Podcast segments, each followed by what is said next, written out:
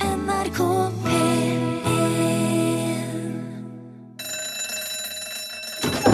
Ja, nå er det lunsj! God formiddag, folkens. I dag er det 495 år siden Martin Luther tok med seg en hammer og spikra opp noe greier på ei kirkedør nede i Tyskland. Og hadde ikke han gjort det, så hadde vi snakka latinsk hele gjengen den dag i dag, holdt jeg på å si. Men det hadde jo vært en overdrivelse. Samme det. I dagens lunsj skal du slippe å høre et kvekk om Martin Luther. Derimot skal vi ta for oss storm og blest, astronauter og kosmonauter, og vi skal også snakke om ost og kjeks. Takk til eh, TNT. Låten heter eh, 10,000 Lovers in One. God formiddag, kjære radiolyttere, brødre og søstre der ute i Norges land. Hvor nå dere enn befinner dere.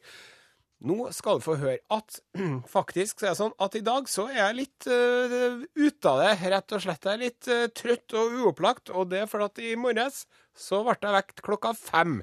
Ja, det stemmer. Sjøl baker Hansen hadde ikke rukket å fått på seg sokkene i dag når Nosen ble vekt, og det er fordi at det kom ei lita jente tuslende inn, vet du, og vekte meg, for hun er jo eh, var jo lys våken. Hun har jo nemlig fått eh, fucka opp eh, hele døgnrytmen sin av dette vinterstidopplegget. Eh, Daylight savings, de kaller det på engelsk. Eh, Både døgnvill og jetlagged. Skulle tro at jeg nettopp hadde kommet hjem fra cruise i Karibien, eh, men det har jeg ikke. Og altså, eh, det der med sommertid og vinterstid. Kan ikke vi holde oss til én av greiene, syns jeg. Jeg blir så forvirra at jeg altså jeg har nok å stri med i livet mitt om jeg ikke skal to ganger i året drive og gå rundt og lure i ukes tid på hva klokka er i tillegg, for at det blir for mye til meg her. Og det var sikkert greit en gang i tiden, hadde sikkert sin funksjon. Når talglys var dyrt, og de drev og hadde brannfarlige skåler med sauefett med en liten veike oppi, og drev og satt i det eh, flakkende lyset og hekla og karva ull og veit ikke hva de gjorde. Men eh, nå, eh, når vi har både vannkraft og vindkraft og elkraft og olje og alt det der, så syns jeg at eh, nå er det egentlig nok. Det er jo mørkt hele vinteren lell. Så jeg mener det, at noen burde ha satt seg ned og kikka på det opplegget der, og foretatt en vurdering. Trenger vi egentlig sommer- og vintertid? Kanskje vi kunne hatt sommertid hele vinteren? Det er bare en tanke. Hvis man først skal drive og tulle med tingenes tilstand, så syns jeg at vi kunne ha droppa hele februar istedenfor. Ja, februar er jo en eh, tung og deprimerende måned med bare glattis og holke og snømåking lell, og vinteren har mista sjarmen, og alle sammen går og venter på våren. Eh, Så det vi kunne ha gjort Hør på dette her. Vi bare kutter ut hele februar. 28 dager eh, med 24 timer, det blir 672 timer. Hva skal vi så gjøre med de her 672 timene? Jo, kunne ha fordelt dem utover de resterende 11 månedene i året, sant? Da hadde det blitt 61 timer i hver måned. Sånn ca. to timer i døgnet som vi kunne ha lagt inn om natta mellom klokka to og tre, sånn at vi småbarnsforeldrene hadde fått litt eh, sårt eh, tiltrengt eh, nattesøvn eh, hver eneste dag. Og som bonus gått rett ifra januar til mars. Ja. Dette forslaget er helt gratis ifra min side. Kontakt din eh, lokale stortingsrepresentant hvis du syns dette her er noe som burde ha blitt eh, fulgt opp på eh, lovgivende plan. I dag i lunsj så har vi som produsent, som vanlig, sjølveste Torfinn Borchhus. I kontrollrommet, på plass. Eh, riktig god dag. Bak eh, spakene har vi lydmann Martin Vågø. God dag, god dag, god dag. Og eh, nå har vi ordentlig god låt til dere. Her er Vømmøl Spellemannslag, Peder og Hammersforsens Brus.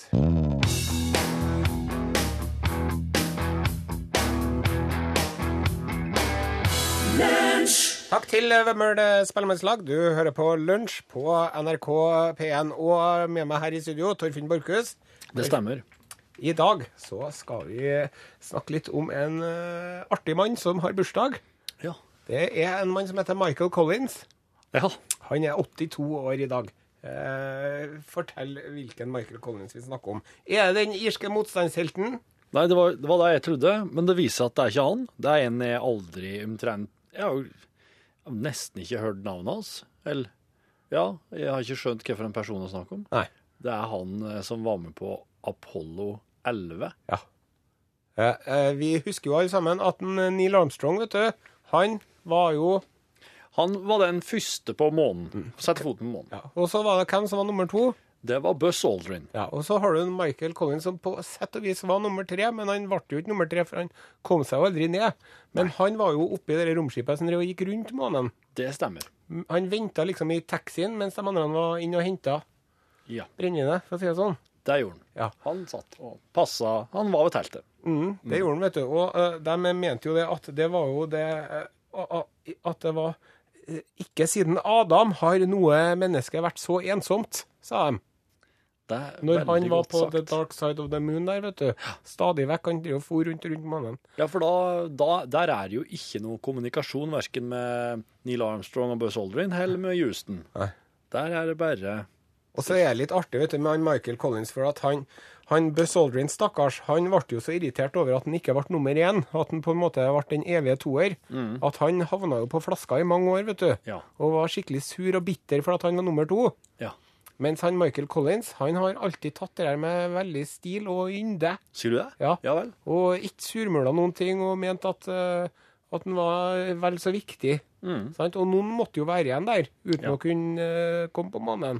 Nå sitter jeg, nå sitter jeg og tenker her eh, Husker du den derre Apollo 11-filmen om Nei, det er Apollo 10 det, som er den med Tom Hanks og Kevin Bacon og sånn. Den som det nesten gikk skikkelig galt med, men de kom seg aldri ned. Jeg er ikke helt sikker. jeg. Det går litt surr i de romfilmene til meg, altså. Ja, for jeg sitter Tom bare Hanks nå- har vært med på så mye rart. Ja, han har det. Han har det. Men nå satt jeg og tenkte på hvorfor en av dem som Michael Col- vart- hvorfor en som spilte Michael Collins, hvis det er den filmen der Tom Hanks og Kevin Bacon var astronauter, da. Vi kan sjekke på internett. Det kan vi alltid si. Vi sjekker på internett eh, senere. Nå blir det mer musikk her, og så skal vi snakke mer om eh, verdensrommet. For at, som jeg prøvde å fortelle til Nytimen-programlederne i sted, eh, før Dagsnytt så frekt eh, avbrøt oss, Mhm. så er det så at eh, i rommet Mm. Ja. så er det veldig lite snorking. Er det det? Ja, det, de har hørt det. De hører jo nede i Houston, vet du, så hører de jo det meste av det som foregår oppe i verdensrommet. Ja. Men snorking er det mindre av, og det er for at det er rett og slett ikke noe gravitasjon som trekker drøvelen nedover når du ligger og sover i verdensrommet. Nei, den Mm. blir jo Så bare alt liggende får oppi der. bare flyte fritt. Ja. De er jo fastspent til sengeren sin, vet du, om bord på romskipene og i, på romstasjonene og sånn. Jeg veit om flere som skulle vært det. Ja, det gjør det. Her kommer Mayor Hawthorne, The Walk.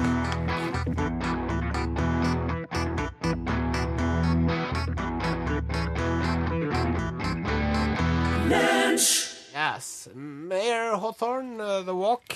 Eh, våre oppvakte lyttere har eh, informert oss om at det var Apollo 13. Ja. Og da var jo ikke Michael Collins med. Nei da, nei da. Han ga seg jo etter den Apollo 11-en. Men det, det har vel Det har kanskje ikke blitt logga noen ordentlig film om sjølve månelandinga av Apollo 11, da? Det var jo Nei, jeg vet ikke, jeg. Nei, for den har jo liksom Den var en suksess.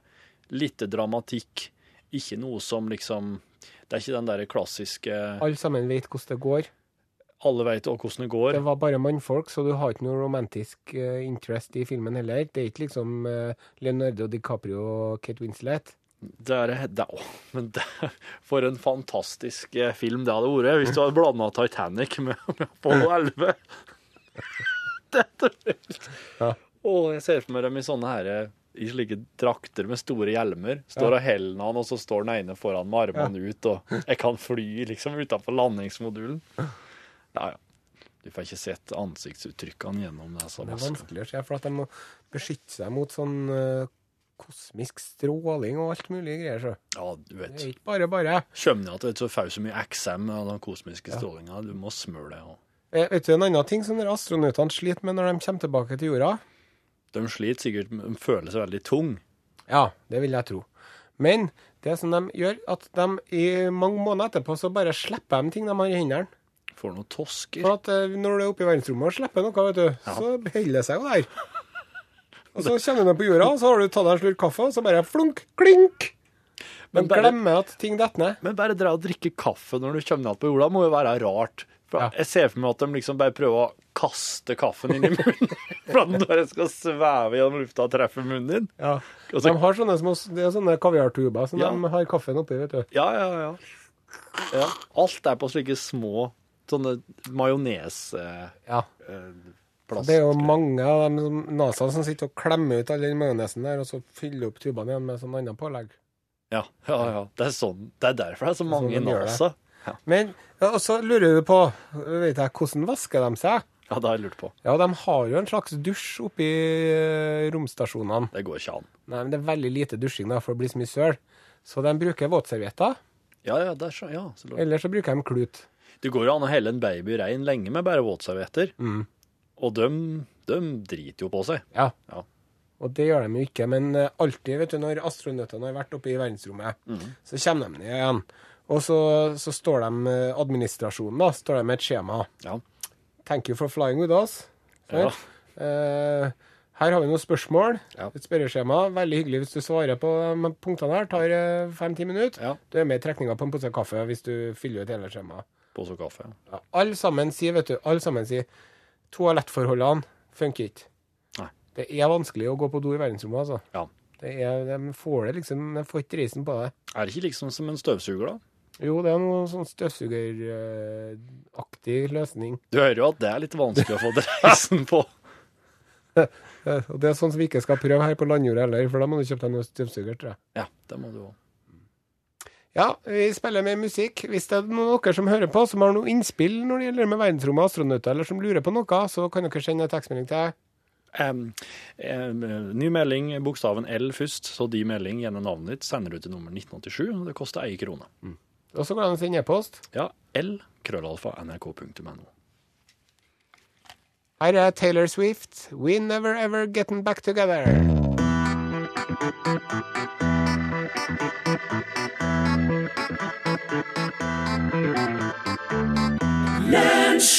Det er jo onsdag i dag, og eh, det betyr at vi har kommet fram til noe som jeg må si at jeg har sett fram til, nemlig den eh, ukentlige lunsjtelefonen til eh, påstått eh, samiske Jan Olsen. Er du med oss, Olsen? Ja da, jeg er her, ja. Det er bra. Jeg er alltid eh, her. Ja, På onsdager, ja. Ja, ja. Men eh, du er ikke Rune Nilsson. Nei, jeg heter Are. Jeg er jo vikar for Rune innimellom. Ja vel. Jeg håper det er greit for deg. Ja da, det er eh, greit, ja. Ja. Og jeg har fått med meg at du sjøl i hvert fall påstår at du er same. Jeg er en eh, same, ja. Og da driver du med reinsdyr òg? Ja vel. Ja. Det var noe med et som et spørsmål, da. Jaha.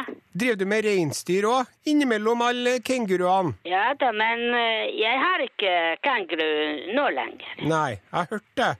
Men vi trenger ikke å gå inn på det. Jeg er mer nysgjerrig på rein, egentlig.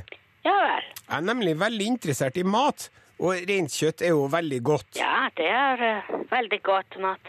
Ja. Det er det beste kjøttet av eh, alle. Og du mener det, ja? Ja da, det er ingen kjøtt som er eh, bedre enn eh, rein. Hva er det som er så bra med rein, da, mener du? Eh, Kjøttet. Ja, men hvorfor det? Hva er det med kjøttet? Ja, Det er veldig bra. Ja, men tenker du på smaken, eller at det er mørt, eller anvendelig, eller Ja da. Ja, hva Ja, det er eh, godt å spise. Ja, hvilken del av reinen er best, syns du? Begge deler. Begge? Ja da. Ja, Hvilke deler er det, Olsen? Hva mener du med begge deler? Både framdelen og eh, bakdelen. Altså, du bruker hele reinen, altså? Ja ja, selvfølgelig. Men det er vel forskjell på stykker? Det er jo lår og nakke og bringe og ytrefilet og indrefilet og fillekam og Ja ja, det stemmer. Har ikke du noe favoritt sjøl, da? Jo da. Jaha? Ja ja ja. Ja, hvilken del er favoritten din, da? Det er eh, hjertet. Hjertet? Ja da, det er veldig godt. Hva gjør du med hjertet, da? Jeg eh, spiser det. Ja, men det må vel tilberedes på noe vis? Ja, det kan man godt, ja. Hvordan liker du best å tilberede hjertet? Ja, det er mange måter. Man kan jo tørke det, eller steke det, eller røyke, eller steke, eller koke, eller Ja, det er mange forskjellige ting. Men hvordan smaker hjertet, da? Kan du sammenligne med noe? Ja da. Ja, hva da? Ja Multer, for eksempel. Smaker reinsdyrhjertet som multer? Nei, nei, nei, nei, men eh, multer er også veldig godt. Ja, men eh, for eksempel tørka reinsdyrhjerte, da. Jaha. Hvordan smaker det? Ja, det smaker som tørket eh, hjerte. Ja, men altså Av, av eh, reinsdyr, ja. Ja, OK, vi kommer kanskje ikke så mye lenger med det her. Nei vel. Men Men selger du reinkjøtt opp til deg, da? For eksempel sånn skav? Hvem? Skav! Reinsdyrskav! Finnbiff! Ja, jeg kan eh, finne biff, ja. Nei, øh. skava reinsdyrkjøtt, det kalles jo gjerne finnbiff. Ja vel. Selger du reinkjøtt for å spørre på den måten? Ja, noen gang. Men du har ikke noe utsalg på vidda der opp til deg? Nei vel. Driver du i stor skala? Har du en svær flokk med rein, eller er det bare noen få? Ja da, ja da. Er det mange? Det er eh, ganske mange. Hvor mange, eller ja, skal vel ikke spørre om Jo da, du kan spørre. ja. Ja, hvor mange rein har du? En hel del. Ja, å, OK. Og så har jeg eh, reinkino. Hva sa du nå? Reinkino. Reinkino? Ja da. Hva, er- hva er er en kino for reinsdyr, det? Ja, det stemmer. Det har jeg aldri hørt om før. Ja, det er veldig sjelden. Ja, det må det være. Ja, det er bare jeg som har. Herre tipper jeg en Rune vil eh, spørre mer om neste uke, altså. Ja, det er greit, ja. Ja. Vi kom jo ikke så mye lenger med det med reinkjøttet nå, men vi må nesten runde av her nå, uansett. Ja vel. Med mindre du kan fortelle meg hvor jeg kan få tak i reinsdyrhjertet, da. Ja, det jeg kan eh, fortelle det. Ja. Hvor da? Det er eh, inni eh, reinsdyret. OK, greit. Du skal nå ha takk for praten, da. Ja, vær så god. Ja, Så må du ha det bra, Jan Ja, Olsen. hei, hei. Hei.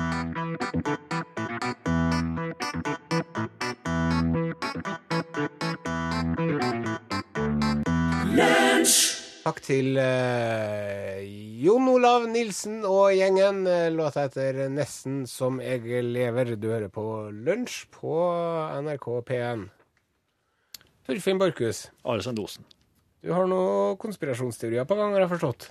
Ja, for at når du begynner å prate om eh, astronauter og, og den slags, så Ja, du nevnte jo kosmonauter òg her. Ja, så det er jo, der er det jo litt sånn Der er det noen gode konspirasjonsteorier, for at det var jo et kappløp. Amerikanerne vant jo. eh, De landa jo på månen først. Ja.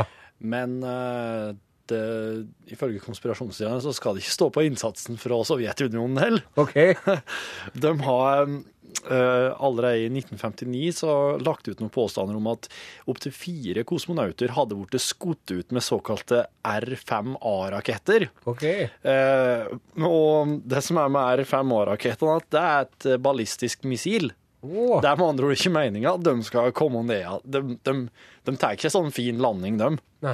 Eh, og i 1960 så skrev han Robert Heinlein, eh, forfatteren, science fiction-forfatter òg, at eh, mens han var på reise i Vilnius, da, den gang Sovjetunionen, i dag Litauen, eh, at eh, han hadde drevet og prata med noen sånne Røde armé-soldater. ja. Og de fortalte at eh, ja, i dag så skjøt oss opp eh, ban- bemanna romferd. Og Heinlein, vet du, skrev det her. Ja. Skrev det ned og satte det på trykk i dagens utgave av Pravda. Ja. For den skrev han for, da. Å, ja. Eh, Men eh, litt senere på dagen så nekta helt myn eh, sovjetiske myndigheter for at de har sendt opp noe bemanna. De har skutt opp en rakett, men den var ikke bemanna. Og den utgaven av Pravda som Heinlein skrev for, den var ikke å oppdrive i en eneste sovjetisk by den dagen. Men dagens utgave var, nei, går- neste dags utgave var på plass igjen. Eh, Det, for det er jo sånn, vi, vi vet jo at han første mannen som eh, var i verdensrommet, det var en Juri Gagarin. stemmer. Men vi, de driver jo med litt sånn hemmelighold og sånn, eh, dere russerne. Ja. Så det er jo ikke utenkelig at han, Juri Gagarin er den første oppe i verdensrommet som kom ned i et stykke som vi får høre om, liksom. Nei, det er nemlig en som heter Vladimir Ilyushin. Han er visstnok, og dette her er ikke det her er verken bevist eller motbevist det, er altså, Vladimir Ilyushin var en eh, eh, sovjetisk pilot, og de mener at han var kosmonaut. At han ble skutt opp. Han var førstemann i verdensrommet, men han landa i Kina. Å, Og, og det var et eh, Det var noen harde tak eh, Ja. for å få han hjem igjen. Han, han landa, han, la- han, han livet, og, og han ble tatt til fange av kineserne. Og de nekta å slippe han igjen. Mm, så det tok altså ei god tid, god, god rim med byråkrati, før de fikk han hjem. Og når eh, kosmonauten heltemodig skulle vende hjem, og etter å ha vært først i verdensrommet, så tok det seg ikke ut at han hadde vært innom eh, et, eh, ei fengselscelle i Kina først. Så den eh, Det er ei påstand, da. Ja. I tillegg så Hvis du har lyst på noen litt mer saftige saker, så er det jo en lyttestasjon i Italia Jaha. som har fanga opp diverse meldinger fra eh, kosmonauter. Der det blant annet er eh, et slags romfartøy som går i bane som sier at alt er tilfredsstillende, oss er i bane rundt jorda.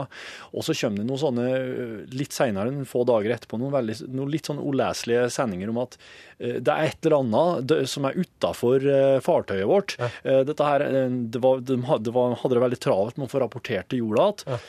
Men ettersom signalet ble svakere og svakere, så, så blir det bare antydet at den forsvinn- det her forsvinner ut i Oi. verdensrommet. De, de for feil vei, da. Ja. Og, eh, Space Oddity med David Bowie. Space Oddity. Ja, Ja. der har du den. Major Tom. Ja. Ja. det er, han er jo inspirert, så klart, dette her. Takk skal du ha, Torfinn. Og interessante saker. Litt av hvert å vri hodet sitt eh, rundt. Her kommer en Ricky Nelson. Hello, Mary Lou. Besøk gjerne Lunsj sine Facebook-sider. Facebook.com skråstrek lunsjnrkp1.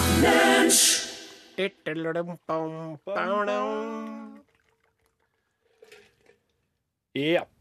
Ja, er det min tur? Ja, Da er det min tur at men du må bare ordne deg vann først, for at det er viktig at ikke stemmen går eh, tørr underveis. Ja, jeg har lært meg at eh, Jeg, jeg prata faktisk eh, senest i dag om en sånn herre om å faste. Eh, det kom jeg på nå. Det er en, eh, en kollega av oss som har gjort det opptil flere ganger. Han har fasta. Og han har, han har drukket bare vann. Ja. Han har gjort det i opptil bæ- altså i 14 dager. Bare drukket vann. Rett og slett for at eh, For det er, det er så godt. De sier det, ja. Eh, Så det er vondt den første, første dagen eller to, og så blir det kjempegodt. Ja. Og så når du da begynner å ete igjen, så blir det en, en Da er det så fantastisk godt med gulrot at det er ikke å tro hvor deilig det er å knaske seg den gulrota, altså. Men du må ikke bruke det som slankekur, sa han. For det at eh, når du begynner å ete igjen, så et du på deg igjen. Ja, ja. Det du hadde fra før. For det er så godt med mat at du klarer ikke å la være. Men det var en digresjon. Jeg, var jeg, det. skulle, jeg skulle ta opp den tråden som hun- hun Ragnhild sendte oss i går. Hva var det Ragnhild lurte på, Torfinn? Hun sendte en SMS, eh, kodeord L, eller bokstav L, eh, til 1980, nummer 1987. Kosta ei krone. Der sto det Hva er bakgrunnen for tradisjon med blekkbokser etter bilen til nygifte? Og eh, hva, f- hva tror du da, Are Sendosen? Du er jo en eh, intellektuell. Det er jo for at eh, man er jo sånn Se på meg, se på meg, jeg har gifta meg. Alle sammen, se på meg. Ja. Det er, det kan, du, du kan sikkert si det, men egentlig så er dette her en sånn ameri amerikansk tradisjon. Eh, og da vil jeg tro at kanskje det er noe indianergreier inni der. Jaha. Eh, det skulle i hvert fall skremme onde ånder vekk Ja. fra brudeparet. Akkurat, ja, ja. Ja. det er jo det, det, vet du. Det bråket og skramlet. Onde Ja. ånder liker ikke bråk og skrammel og slik. Derfor så er det bare å helle på med det. Hvorfor tror du at eh, brudepikene eh, tradisjonelt skal være veldig fargerike? Det er jo fordi at eh, de ikke skal bli finere enn brura. De har på dem litt sånne corny klær Ja. for at brura skal få skinne Ja. eh, i, i, i, i rampelyset alene.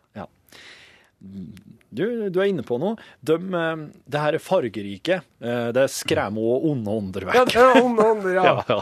Ja, ja, Eh, ja. Og da, de brudepikene står jo da rett ved sida av brura, fargerik og fin, skremmer vekk åndene, samtidig som brura hun er kledd i hvitt. Mm. Fordi onde ånder liker ikke hvitt. Oh. Åh. Så det er, en, det er derfor. Det er det liksom onde ånder som er forklaringa på det meste av bryllupsritualene, eller? Jeg tror du kan lese onde ånder her som drita fulle bryllupsgjester. Ja. Ja. Hell konda. Ikke kom her og driv og klå på brura nå. Nei. Ta slutt med det her. Gå stille bak hjørnet. Um, Veit du hvorfor det er så mye blomsteroppsatser i bryllup? Fordi at det er fint med blomster. Fordi at eh, hvis det er mye blomster, da blir det mye fruktbarhet, og da blir det fort unger i ekteskapet. Ja. All right. Veit du hvorfor du kan kysse brura? Eller altså, veit du hvorfor det har blitt ei greie? Du kan kysse brura nå. Nei. Fordi at i gamle Rom, altså i romertida, der ble alle avtaler signert med et kyss. Åh. Så snart noen har gjort en avtale, så måtte de fram og kysse han. Åh, Akkurat. Veit du hvorfor de kaster ris? Det er vel for å holde vekk eh, onde ånder, da. Det er, d- um, det er fordi at det skal bli fruktbart. Og så er det fordi at hvis du hiver mye ris på paret, så vil jeg si at de kommer til å få mye mat i livet sitt. Her kommer det aldri til å stå på maten. Nei. Høykarbo. Høykarboliv skal dere få. Vet du hva som er greia med det lange sløret, da? på brura. Nei.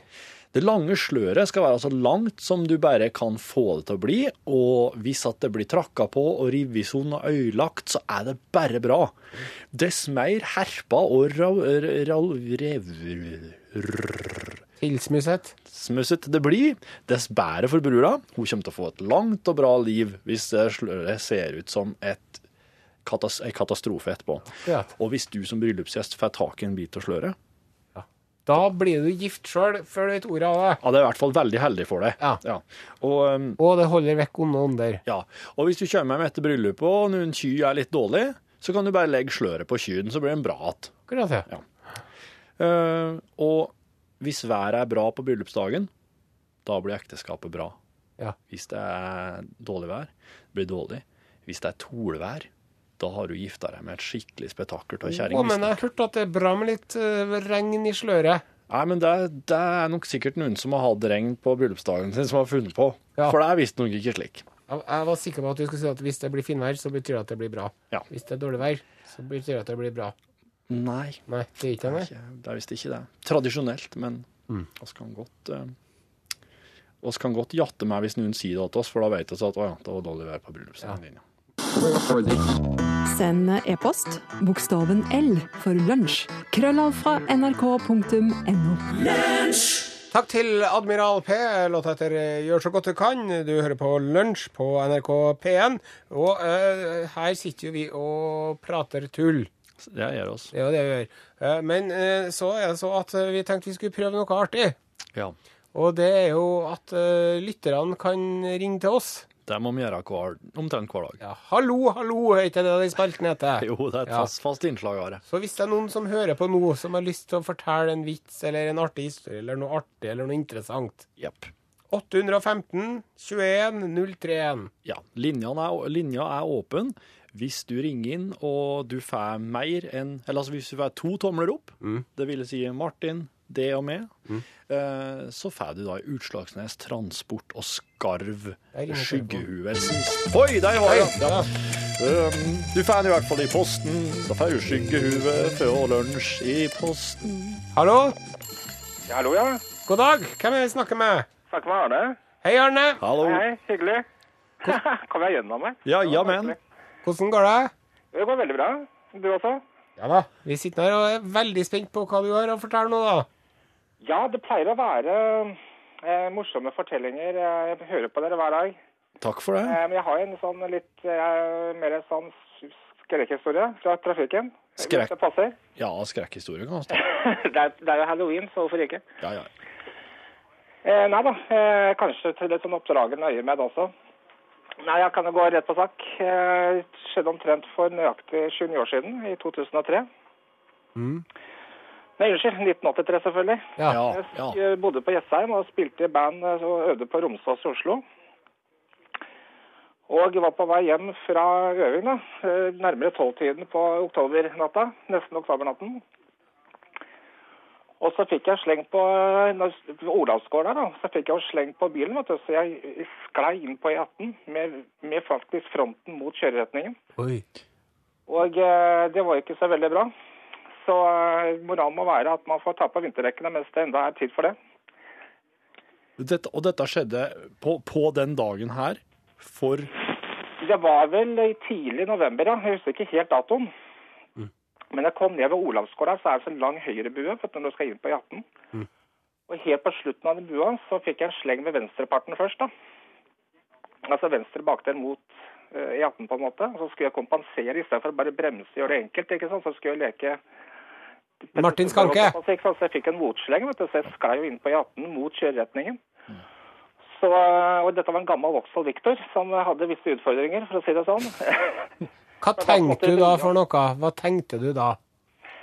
Nei, altså, du kan si det sånn. Dette var jo en ganske mørk, sånn mørk grå, gråsort Vauxhall Victor fra 72 som eh, Det hører med til historien da, at den tente ikke på første forsøk når du prøvde å vri om tenninga. vet du. Så måtte du prøve 87 ganger. Så da sitter jo jeg, ikke sant, og det møtet der fikk ser jo ikke meg i det hele tatt, vet du. Så det ender jo med det at eh, til syvende og sist, da på syvende og åttende forsøket, så får jeg start på motoren da, og får vridd bilen ikke sant, ut på siden av, eh, av veien. Og bare sekunder etterpå så kom et vogntog dundrende forbi. ikke sant? Han lå jo på hornet, ikke sant? Og eh, jeg var jo så nervøs etterpå, vet du.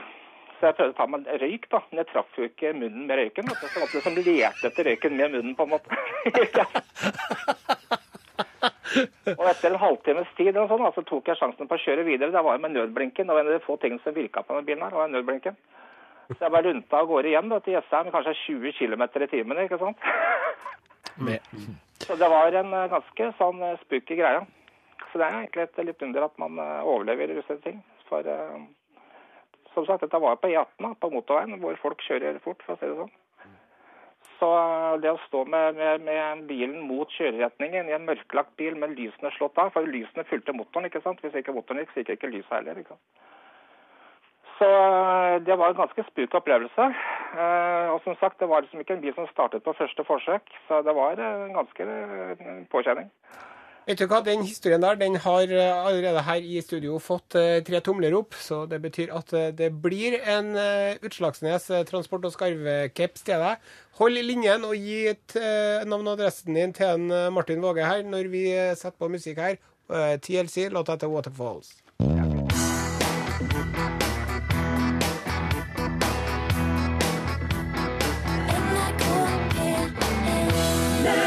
Takk til TLC Waterfalls. Dere er på lunsj eh, i P1. Eh, Vi begynner jo å nærme oss eh, slutten på vår sending, men her sitter han, eh, Pål Plassen parat, vet du. Hei, Pål. Hei, Are. Hei, Torfinn. Hei. Er du spent på hva som skal skje i Norgesklasse i dag? Ja, hva du har på blokka di? Du, På blokka her nå så står det SAS med store bokstaver. Eh, for det går jo dårlig igjen. Ja. Spare, spare, spare over hele fjøla. Ja. Og Nettopp avvirka storstreik for noen uker siden, og nå er de i gang igjen. i gang igjen.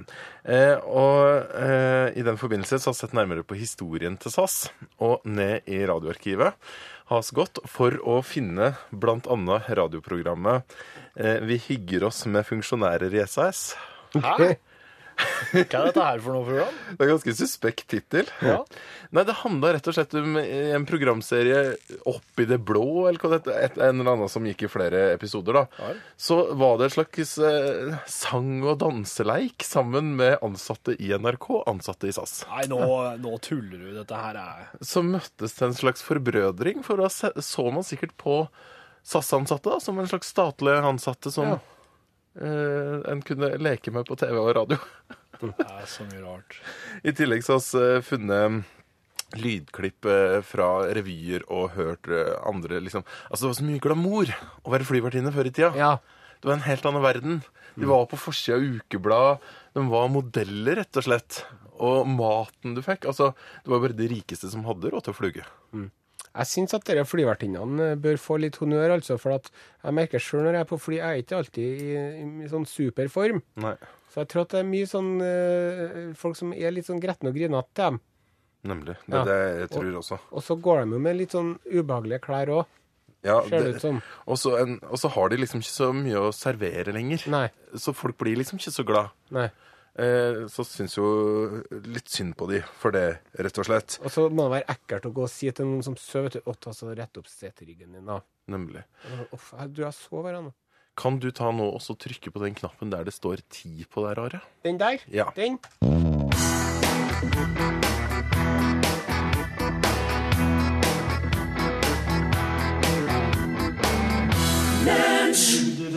Nå er det opptak! Da skal, skal vi flytte litt på mikrofonstativet. Hallo. God dag.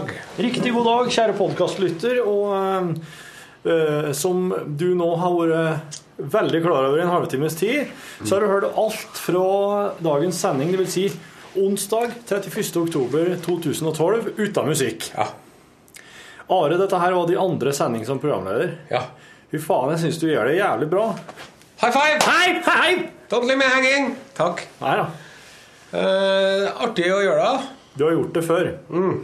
Hva er det nærmeste til lunsj du har gjort jobba med som radiokonsept før? Nei, det er jo Arodin, da. Ikke det? Jo, var det blir at det, ja. ja. Så langt tilbake i tid. Savner du det? Arodin? Ja. Nei. Savner du, har du savna å jobbe i radio? Ja, Det det har har jeg. jeg. Det er artig å Savner jo Odin litt, grann, da. Han Klaus Joakim Sonstad, Ja. Han er jo nå en eh, programleder med suksess på TV, litt sånn som du. Ja. Hadde du trodd at du skulle bli det? Nei. Det hadde ikke jeg. Nei. Eh, og ehm, Hadde ikke hjulpet han fram? Ja Eller hadde du bare sagt 'Odin, Klaus, du faen bare driver på med greiene der, det legger jeg meg ikke borti'? Eller hadde du sagt 'Nå syns jeg du skal gå for det der, Klaus'? ja. Du, jeg vet ikke. Nei. Jeg vet ikke. Eh, han Klaus han for jo til Oslo. Eh, så vi har ikke og vi, vi har ikke snakka så mye om det der. Nei. Nei.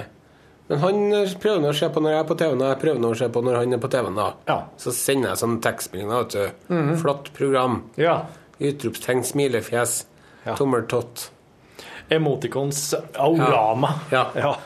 Og nå må vi snart ta oss igjen. Og så er det en øl, da. Ja, ja, ja, ja. Så det skal vi nå gjøre, da. Ja. Vi har noen ambisjoner om å ta oss en øl i neste uke. Oi, ja vel. Mm. Allerede. Men da er det lenge siden sist øl. Ja, da var det i s sommer. Ja. Ja. Jeg er Opptatt, vet du. Ja, Bor ja. på hver vår kant av byen, og han er på jobb hele tida, jeg er på jobb hele tida, og Mm. når jeg ikke er på jobb Nå ringer telefonen. ja, det er noe DAB til teksten, vet du. Ja. eh, Jeg skal få ta den. Hallo. Ja, hei.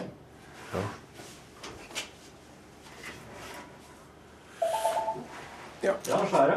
Skal da se i, i Ja. et anmeldereksemplar her. Fiskekokeboka til en Tom Viktor Gaustad. Ja. Jeg har sjansen for å endre Tom Viktor Gaustad. Jeg altså har det.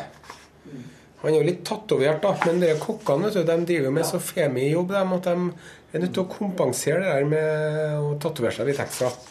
Så det syns ikke jeg at man skal bruke mot dem. Egentlig så burde de bare vært eh, trygge på sin egen maskulinitet, for de driver på med kniver og så, det er jo flammer og Så jeg skjønner ikke helt hvorfor de har den der usikkerheten. Så velger jeg lunsj. Men um, Fra noen fisk, ja. Dette er litt sånn, ja En omelett med laks. Nei. Det Hvis jeg fæter her og hvis jeg bare... Fersk vårrull, det vil jeg ha. Så kan jeg kalle det elven. Fristers, frityrstekt vårrull med krabbe, det vil jeg ha. Sild er godt, ja. Mm. Lunsj med Are Sendosen. Ja. Suppe. Ja. Ja. Rakørret, ja. Ja. Den er grei.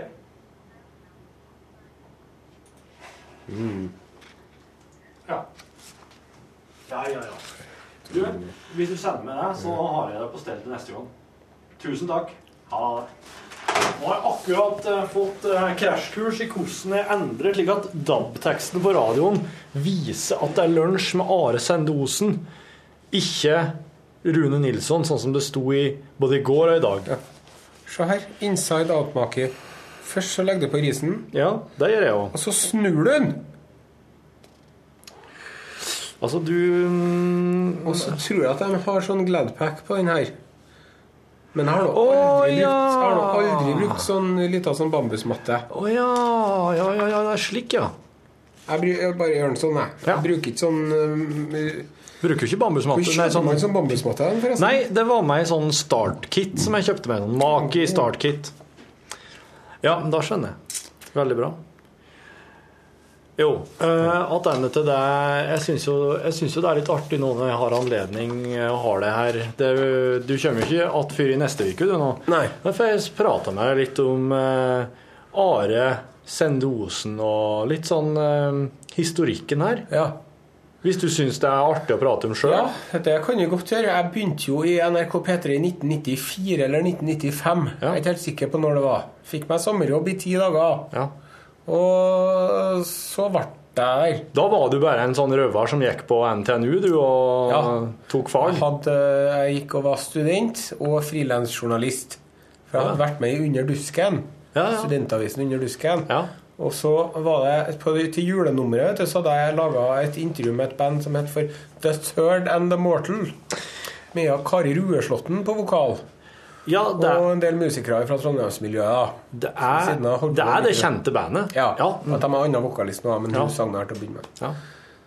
Og så ville ikke eh, redaktørene ha her. Han ene redaktøren han er nå eh, redaktør i eh, Human-Etisk Forlagsavisen. Han heter Even Gran.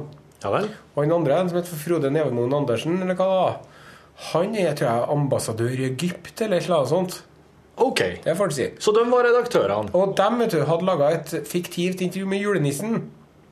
Som de heller Som ville som de ha. heller ville ha enn mitt i et bandintervju. Så redaktørene for avisa setter sitt eget på trykk? Det gjorde de. I stedet for ditt intervju med The Third and Immortal? Og det var jo et lykketreff for Nosen. For da sa Nosen ja, hvis dere ikke vil ha intervjuet mitt med Tarlan Marshall, så må jeg nå få lov til å selge til Adresseavisen. Og så gjorde jeg det, og så fikk jeg faen meg flere tusen kroner, for jeg hadde tatt bilde og alt. Så jeg fikk 1200 kroner for reportasjen og 700 kroner for uh, bildet, vet du. Så jeg fikk jo 2000 kroner. jeg. Det er jo Da artig. tenkte jeg ok, hvis jeg skal være sånn, så vil jeg heller skrive for Adresseavisen enn under dusken. Og når adressa hadde fått eh, smaken på osen, da var Så drev jo en Klaus Sonstad, den helvetes jævelen, og jobba der som frilanser, han òg, vet du. ja. Så i sommeren 1995 så fikk han Klaus sommerjobb ja. i Adressa og ikke Osen. ja. Men så, ved en eh, serie lykkelige omstendigheter, så fikk jeg meg sommerjobb i P3 istedenfor. Ja. Og så tok jeg med meg Klaus over i P3 etter hvert òg. Så du omfavna han som hadde egentlig tid din plass en gang. Ja. Det var veldig ridderlig gjort. Ja, jeg er, jo, eh, jeg er jo en veldig snill mann, Ja, det er det. som regel. Du er en kødd òg, men du er snill. Ja, Ja. man må jo kødde litt. ja. Og så da begynte du, men, men da, ble, det- da var du reporter eh, og I opptur. frilanser. I Og opptur. det ja. var sånn kveldsvakt i opptur, for at det her er jo faktisk så skrekkelig lenge siden at reportasjene som skulle gå om morgenen, ble spilt over via teknisk sentral om kvelden. Ja. Så de hadde en sånn veldig bra telefonlinje som de s- tok opp i andre enden. Å, ja de vel. ringte fra Oslo til Trondheim. ja. Så trykte de på record, og så trykte de på play i andre enden. Og, det Og så her, spilte de den inn på magnetbånd. og det var jo såpass bra telefonlinje at det gikk ikke Ja, så mye det var sånn- utover Nei, det var sånn superspesiallinje, da. Ja. Og så s- måtte de også s- Det som han eh, programlederen skulle lese, vet du Nå skal vi over til eh, Afghanistan. Ja. Der kvinnene får et stadig eh, verre forhold. Nå så eh, Eh, Kom inn. Hallo. Hei. Nei, men hei. Hei! Nei, men hei! Nå er du med i podkastbonusen vår. Så bra! Stig på. Jeg var med før. Nei, Hvem er det som skal sende meg i morgen? i morgen er det Rune Nilsson som har hatt. Det, er, det var i går og i dag at han har hatt. For Lillian eh, var glemt å lagre i går. Det var derfor det gikk ut med topptekst med Ah, Ja, men da tenkte jeg jeg skulle være på rett opp til i morgen. ja.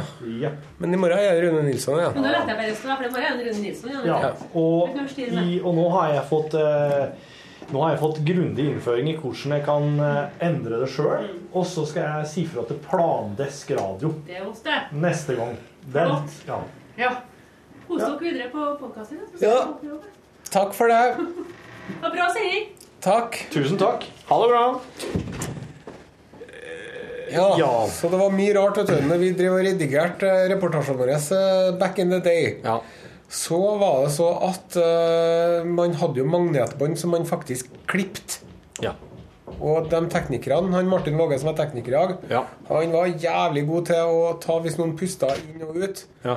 Og så kobla de sammen akkurat på pustet, sånn at eh, dette er en veldig vanskelig situasjon. Så, ja, eller i hvert fall, da. Ja. Det, det, det gikk ikke an å høre at det ble klippet heller. Nei. Så god var de til det her. Og da lå det, lå det jo magnetbånd på gulvet. ja. Og slang. Og slang, Med ja. pusting på. Deleted waveform gatherings. Ja. Så det, hvis du limte i hop alt dette der, da, alle så- av togklippene, så hørtes det ut som en sånn eh, Skrekkfilm, skummel eh, telefon å få. besettelse. Da hadde du tog. For det kommer an på hvordan vei du limper bånda. Ja. Og så var det Nei, det var, art, det var artige tider, ja. Og nå, Ja. Første gang jeg var i Oslo, vet du, når jeg var reporter i Oslo, ja. da fikk jeg For at vi hadde jo sånne DAT-spillere. Det var en sånn kassettspiller med et DAT-bånd. Mm, det var ny Lite teknologi. kassettbånd, Ja. Men eh, nede i Oslo så hadde de ennå litt sånn gammel teknologi, så da hadde vi en sånn Nagra-spiller. Ja. Det var sånn som en Trond Kirkvaag drev og for og brukte og intervjua folk med under- etter krigen. ja. Og det har jeg faktisk brukt der på jobb. Du har det. Ja, det er funny shit. Og det var slik at når, når folk så at du kom med den, da var det Rikskringkastingen, altså. Ja, det var, da var det sånn Unnskyld, frue, kan De jo la til å spørre dem om hva de mener om eh, smørprisene nå for tiden? Ja. For da var filmavisen død. Det var det. Ja. Var dere eh, bare sånn full og rusa på jobb hele tida, da? eller? Ja, ja. Jeg og Erik vi, vet du, vi satt jo og drakk. Ja. Eh, Og, og du og, og drakk og røkte. Og stumpa røyken i Ja, det var- håndflata. Jeg og Erik Bye og Otto Nilsen og Espen Thoresen Vi brukte liksom å ha et sånt eget bord på kantina på Marienlysta. Ja. Og der fikk ikke Dan Børge sitte? Nei. Det var sånn Du, jiplingen, den, den ny- nye fyren Så jeg sa det flytta litt. Klyp deg, Mm. sa dere da. Og så ble det etter hvert eh, bare Are. Ja. Og da fikk Drev du og huserte Det var da på han Thomas Numme som foreslo for han eh, kanalsjefen en gang, faktisk. At jeg burde ha fått med mitt eget program. Jeg var på siden, for Han jobba i P3 Anders. jeg. For du var ei klar og tydelig røst. Ja, jeg var på sydentur jeg, sammen med kjæresten min. Så når jeg kom hjem, så sier de har du lyst på et eget program på lørdagene. Og da var det hun Anne Sandvik som hadde et program som het For Anne Panne. Jaha, det her har ikke jeg hørt. altså. Og så var det en som het for Marit Karlsen, som hadde et program som het for Marit Parit. Så det var to forskjellige program? Ja. De bytta på dem. Og så Ja. tok jeg over det flata deres da, fra 10 til 12 på lørdager. Og det ble bare ara. Og da satt du der eh, for deg sjøl i studio og sto på. Ja, så jeg hadde en gjest i hver time, da. Og så var det noe et eller annet som jeg drev og irriterte meg over. Der sprang en Asbjørn Dyrendal forbi òg. Religionsforskeren og skeptikeren. Han er smart. Men i hvert fall Han eh, eh, gikk det, hva- foregikk det her samtidig som Knut i bygget? Ja. Bare Are og Knut i bygget? Det gjorde det. Knut og brødrene hans satt Knut i bygget. Ja. Det er jo sånn kultklassiker. Ja. Knut i bygget her. Ja, ja. Han Knut har jo vært produsent her eh, mens jeg var borte, og da, da har det vært da har de tatt seg tida i podkastbonusen i hvert fall til å fortelle om den tida der. Hva, er det- hvor lenge hadde du lørdagssendinger, da? Nei, det var noen 97, 98, 99 Og så begynte vi med Aroden i 2001, tror jeg. 2000. For at vi hadde jo det Vi laga jo en sånn Jeg og Rune og Knut Folkestad laga jo en sånn TV-serie som het for Sofa King Stupid.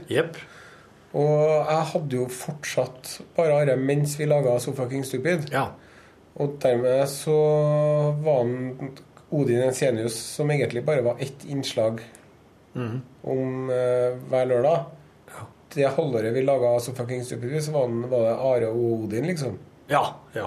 Så Odin Hva jobba Klaus med før Hva var han gjorde før han ble Odin, da? Da var han journalist i Adresseavisen. Ok. Og drev og skrev eh, Han var veldig flink til å skrive sånn portrettintervjuer. Ja. Og reportasjer. Han hadde jo en plan om å skrive en Den reportasjen ble aldri skrevet, men han skulle skrive om gressklipping. Da hadde han overskrifta klar. Skal du høre den? Flymo to the moon.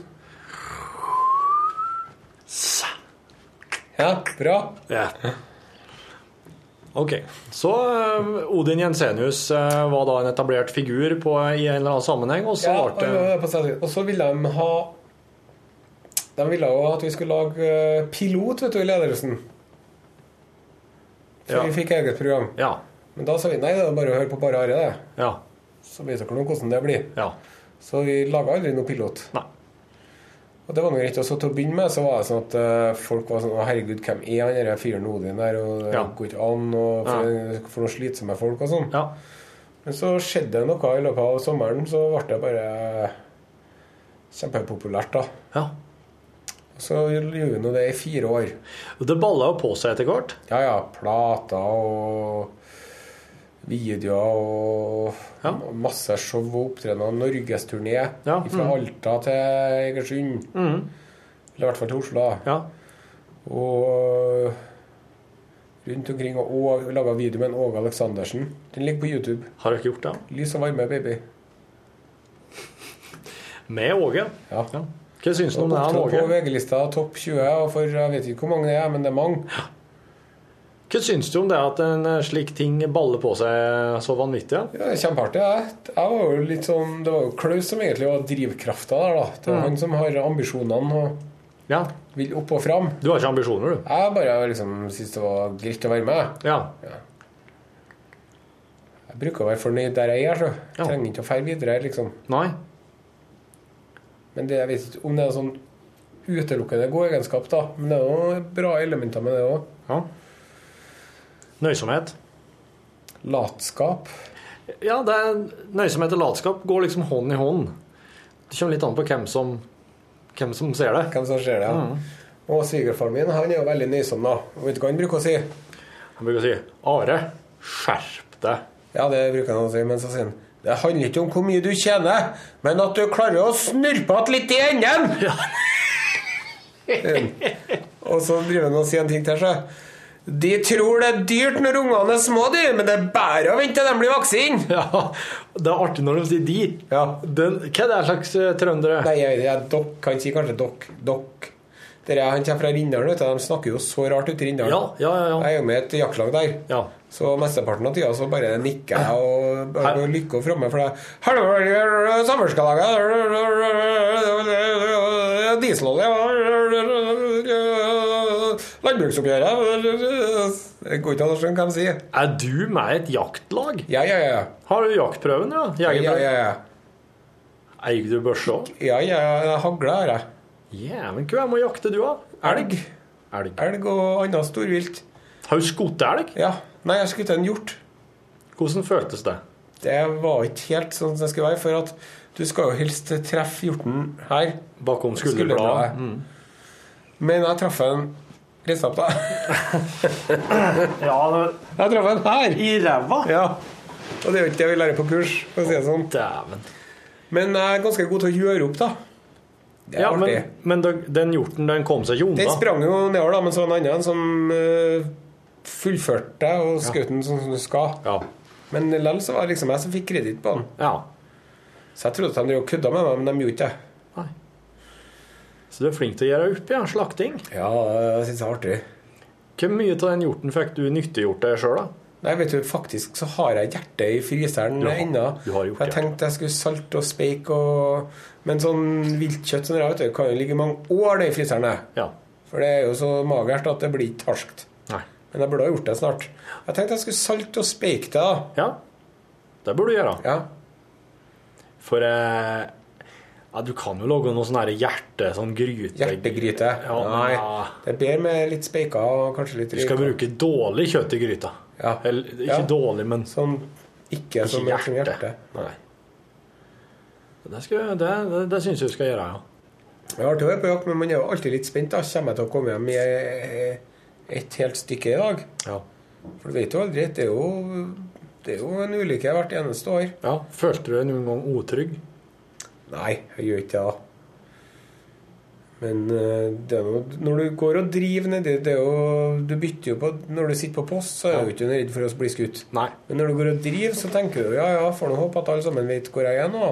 Men Gikk du i fargerike klær da? og- Jeg har sånn sjøllysende lue. ja. Ja. Men så drev de når de drev og snakket om ja, det er plantefeltet, så går du til plantefeltet, og så kommer du dit, og så går du opp til dere, dere myra, og så kommer du til et nytt plantefelt, så svinger du til høyre, så går du mot Vestkategoria, eller Å, Flakkan. Fy fader, Ulland. Og da er ikke jeg alltid helt på nett med hvor jeg er, vet du. Nei. Vet du hva jeg har hørt? At det er enkelte dyr nå som driver og utvikler rød eh, pels på hodet. For å komme seg unna For å, at folk, jegerne skal tro at det er annen jeger. Ja, Evlorud, ja. Ja, Det er kjempelurt. det er det. Det Ja. hadde jeg aldri gjort. Alt er i konstant utvikling, vet du. Det er det. Evolusjon foregår her og nå. Det er ikke noe som er slutt på det. Nei. Jeg er jo øh, høydepunktet av evolusjonen så langt, Ja. synes jeg selv. ja, for du er både stor og sterk og flink i data. Jeg er ikke så veldig flink i data, egentlig. Men det er er ikke det å være flink i data det viktigste for å bli med videre på evolusjonsstegene nå? Eller hva mener Nei, du det er viktigste er at du f- klarer å forplante deg. Ja. Det er fortsatt deg, ja. Ja. Ja. Det er jo det som, og det er jo det, med, det er jo det som er med meg og deg, ja. at vi er jo det er jo Alle forfedrene våre har jo levd lenge nok til at de har klart å forplante seg videre. Ja. Det er sant. Minst én gang. Og det er jo bare et mindretall som gjør det. Ja. Og vet du hva han filosofen og biologen Richard Dawkins sier? Nei, han sier mye bra, da. Han gjør det, men han sier How incredibly fortunate we all are to be here at this exact moment in time. Because when you think about it, most individuals are never born. Så sant, så sant. Most people are never born. Den, den, den blir jeg. Og så er det sånn utrolig flaks at vi lever akkurat her og nå. Da. Hvis vi hadde levd for 200 år siden, da hadde vi vært døde. Ja. Sant? Hvis, vi hadde, hvis vi hadde levd om 2000 år, så er vi ikke født ennå. Nei. Akkurat her nå. Det er flaks. Og jorda har jo eksistert i ja, hva er det, 4,5 milliarder år, eller noe sånt? Ja. Et eller annet sånt? Noen, nei, ja, noen milliarder år, ja. Fire milliarder. Og så akkurat Så er vi så heldige at vi ble født akkurat nå, når, når det liksom er nå. Dawkins eh, har, jeg, har jeg lest ei halv bok av. Har du det? Jeg har, ambi, jeg har ambisjoner om å lese så mye mer. Skal du lese den 'Selfish Chin'? Den er vanskelig, ikke? Nei, akkurat nå Den, den jeg har liggende, da, som jeg beveger meg med, med musesteg i, det er jo den eh, The God's Delusion. Nei, det Ikke den, handler, eller? om, nei, det handler om eh, evolusjon. Ja, eh, 'The Magic of Reality'. Hva er det der, ja? Det er jo en sånn Der han- ungdomsbok. Der han Den får forklarer hvordan regnbuen funker, og hva det er med den. Nei, det er mer sånn han tar for seg sånn edderkopp, eh, sånn spindelvev for eksempel, og viser hvordan de forskjellige edder... Jeg, har bare kommet, jeg driver bare på insektene ennå, vet du. Er det er det det egoistiske genet, eller hva det Ja, kanskje jeg er det. er? Må sjekke ut det. Ja. Og da se- han viser han fram sånn Her ser du en edderkopp som har spunnet påvirka av marihuana. Ja, det har jeg, dem har jeg sett bilder av. Det er utrolig artig. Og her er en edderkopp som er påvirka av kaffe. Og her er en edderkopp som har vært påvirka av alkohol. Det er ingen tvil om eh, hva som er sunnest av alkohol og marihuana og kaffe. Det er faktisk marihuana, hvis du ser på Hvis du skal se på eh, har du sett, da. Og så edderkoppspinnet. var det den som er på speed, og da bare begynte den. den. Fy faen, det var Det var den, den edderkoppen hadde ikke overlevd lenge, altså. Hadde ikke fått fanget noe mye migren, for å si det på den måten. Fy fader, Ulland. Det var det mest hysteriske. Vet du hva jeg skal gjøre i dag, da? Noe mat, regner jeg med? Ja, det må vi jo ha oss. Men jeg, først så må jeg på Stormberg Ja. med boblejakka til ungen som glidelåsen gikk til helvete på. ja. Ganske ny. Ja. Fette ny boblejakke til mange hundre kroner. Så jeg skal fære, så skal jeg Se her! Skal jeg ha en ny en? Ja. Det må jeg gjøre. Ja.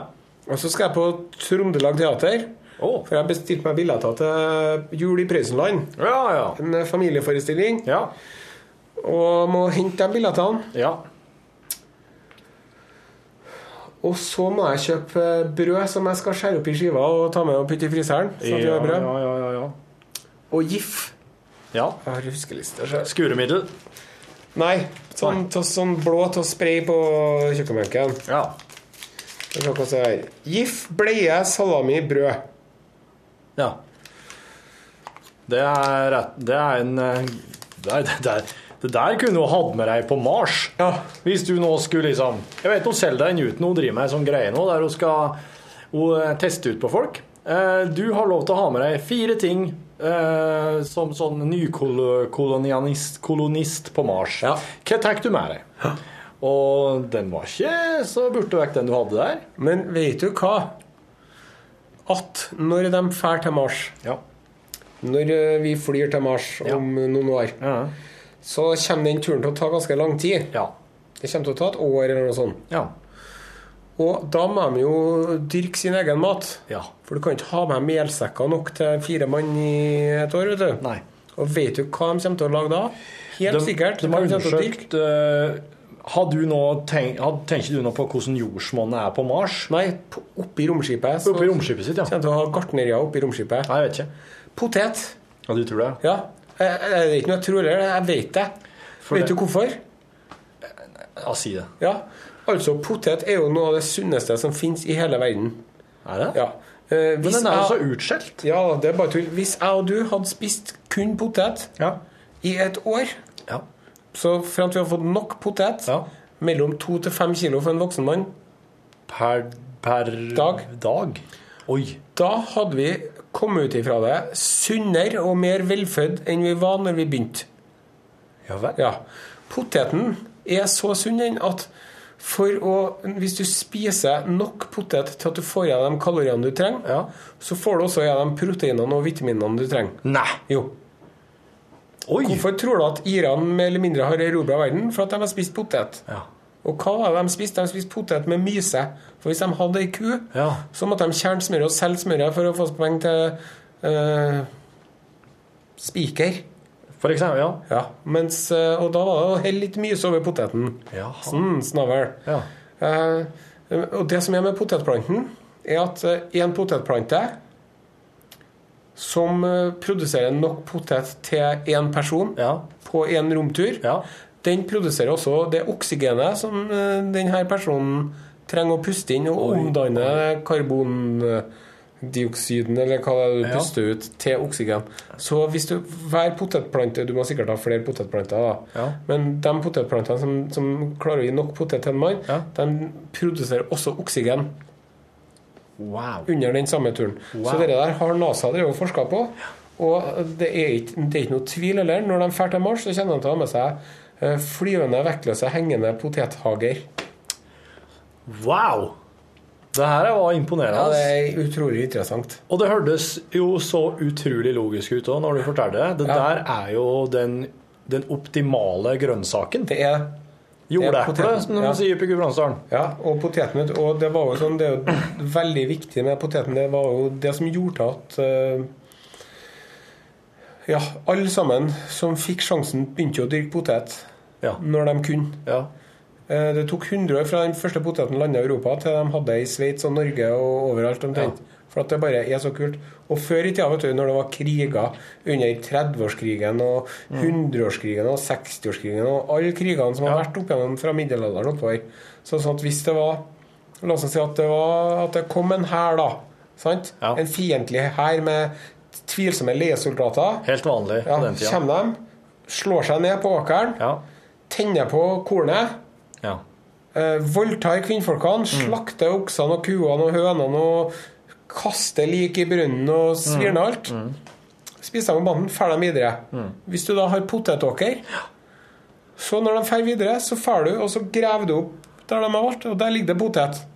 Ja. for at det er mulig at de har svidd av på potetåkeren, men poteten ligger jo nede i bakken. Og vet du hva poteten er? Nei.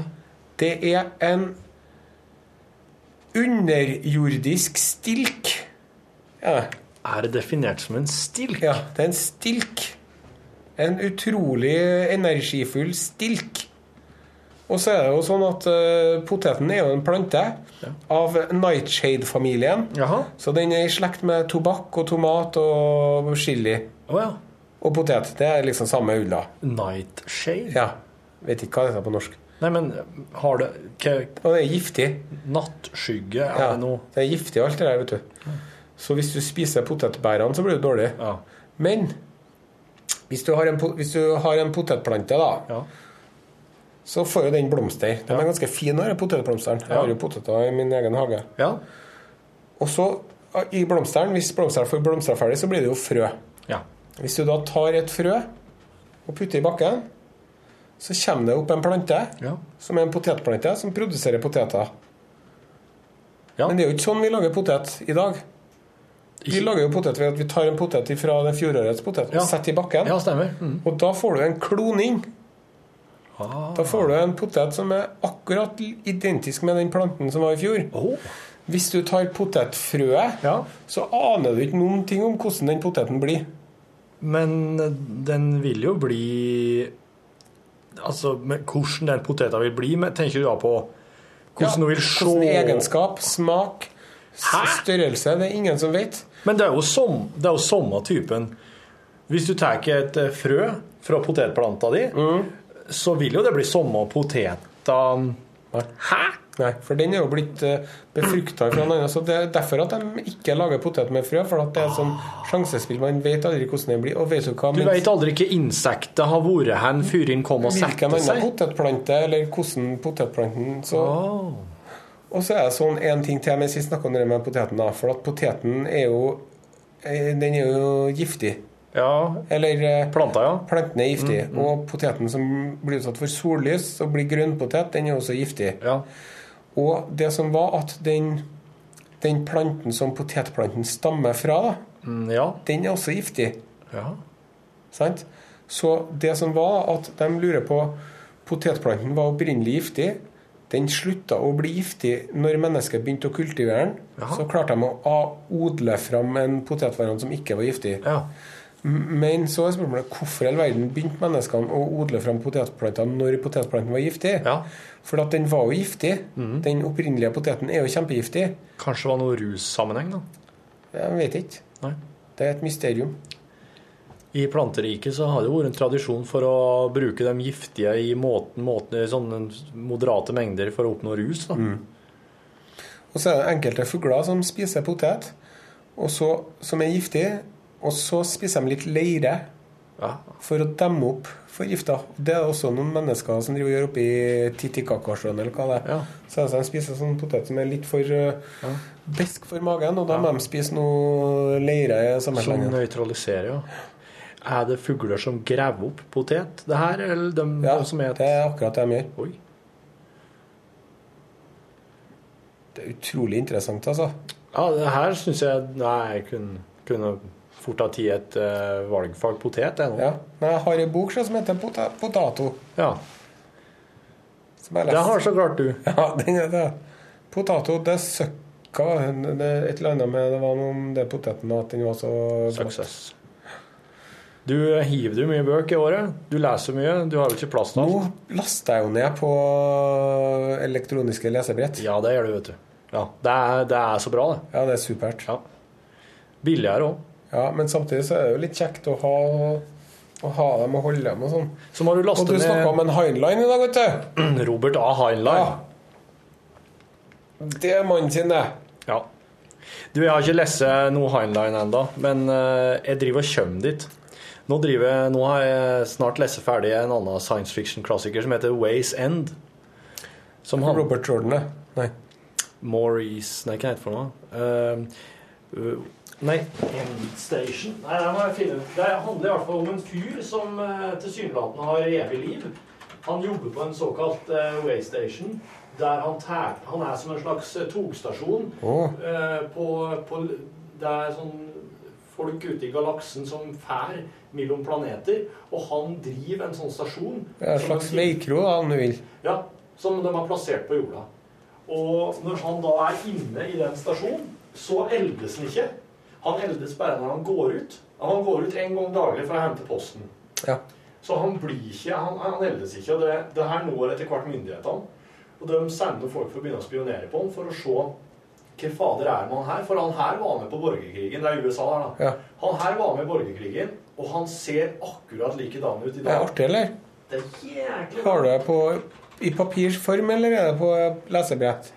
Ehm, på lesebrett. Jeg må kjøpe meg Eh, Cl- eh, Waystation er en science fiction-novelle fra 1963 skrevet av Clifford D. Seamak. Han Robert Heinlein har jo også skrevet en bok om en mann som aldri blir gammel og dør, vet du. Han heter Lasarus Lang. Det er den boka du må lese. Du har sikkert lest den derre Lasarus, ja. Du, ja, f- du har lest den For det er jo han bibelske duden òg. Ja. Ja. ja, Starship Trooper har jeg begynt å lese. Du må lese den Time Enough for Love, sjø. Det er den beste. Ja. Nei, du må lese eh, Stranger in a Strange Land. Ja, ja, den har jeg, den har jeg Den som har en du, ja. sånn sample. En vareprøve. Men da må du For at han den, den Stranger in a Strange Land nå, når, du, når du kjøper den, så er det the complete and unabridged version. Men den er be- den ble For at den har kommet ut i ettertid. Men den, org- den sånn som den ga den ut første gang, var best. For at det er 200 sider med skitprat, sjø. Det er ikke nødvendig. Nå skal jeg kjøpe meg den der boka her som du snakka om, med en eneste gang. Ja, men gjør det. Waystation. Ja. Den, er, den, den anbefaler jeg s- s- veldig. Eh, nå når vi begynner å prate om science fiction, så er det jo verdt å, eh, å si at oss logger jo eh, noe eh, litt sånn Noe å ha i bakhånd i dag og til, sen- til sendinga på radioen, eh, som kanskje kunne være av interesse for dere eh, podkastlytterne. Dette er jo eksklusivt innhold for dere. Det her eh, nå følger altså samtalen mellom eh, Tranquility Base, altså Neil Armstrong og, og Houston, slik den var, slik den virkelig var når Neil Armstrong Er den? Nei. Unnskyld, nå datt jeg ut. jeg. Ja, når eh, de først satte sine ben på månen Her, eh, den her. Den er hardcover, da, men du må finne den som eh, Ja, når, de, når han setter sine føtter på, på månen. Her er den. This is Tranquility Base. The Eagle has landed. Jesus H. Christ. Houston, we're on the fucking moon. Over. Roger, tranquility, we copy you. We cannot believe you are on the fucking moon. Repeat, cannot fucking believe it. Over. It was a smooth touchdown. The moon, for Christ's sake. The moon. Over. Roger that. You're clear for TI, walking on the moon. We copy. Walking on the moon.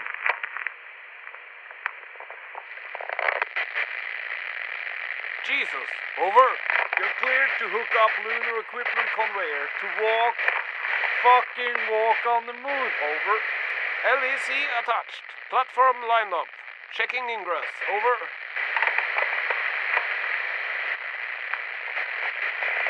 Everything okay, tranquility? I'm descending the ladder. Can see the Earth. The entire planet Earth. For the love of Christ. You're clear. Tranquility, proceed over. Can see the lunar module footpads depressed into the surface of the moon. The fucking surface of the goddamn moon. Holy shit. We read you. Over. Footpads depressed one or two inches. Surface is powdery. One more step and I'm. Fuck!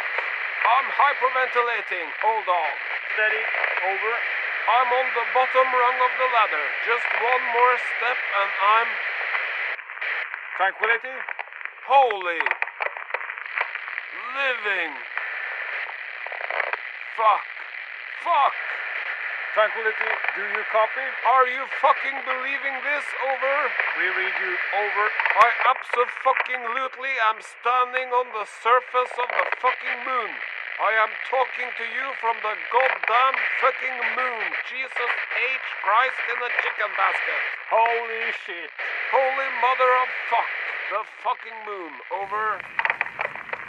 Slik hørtes det altså egentlig ut. for, artig. for slik eh, Det er jo slik det er naturlig å reagere. Når du har trødd på månen og som første mann. Og det er slik de reagerer i just nå, når de bare sitter der og prater og F- Nå er du der, altså. Det må jo være Jeg kan ikke forestille Jeg må bare te- tenke på når de lander på Mars. Om noen år, da. Det blir artig. Jeg gleder meg sånn til å få med meg det. Altså. Da skal jeg sitte og se på hele natta på TV-en. Og da Men det vi må fortelle om den landinga, den månelandingen Du må google, kjære podkastlytter du må, du må skrive oppi Google så må du skrive 'Holy shit, man walks on fucking moon'. For da kommer det en sånn Onion-reportasjeside. Den er artig. Den er veldig artig. Og altså stole alt sammen derifra, og bare lese det rett inn slik det var. Men eh, eh, men, men, men det, er, det er ikke poenget her. Poenget er at det er skitbra, og at det er, det er, det er verdt det. Ja. Han er også nødt til å rappe og stæle hele tida. Og så er ikke genial hele tida, så er genial en brøkdel av tida. Hvis vi er heldige. Men samla sett så er menneskeheten genial store deler av tida. Ja. Åh. Yes. Har du noe på hjertet nå før du skal forlate kontoret for denne gang? Jeg vil gjerne få lov til å si takk for i dag. Og til deg som har hørt på hele den podkasten her. Det er jeg imponert. Ja. Og husk på at dere også kan sende oss lydfiler. Dere kan sende oss en vits eller en historie eller en rar lyd dere fikk gjort opptak av. Sende til lkrøllalfa.nrk.no. Så blir det Utslagsnes Transport og Skarv Skyggehue på dere òg. Hvis at det blir med i podkastbonusen. Ja. Mm. All right. Ha det bra. Are Sendosen. Torfinn Borchhus. Ha en fin en. Vi logger av. Vi logger av. The end. De endede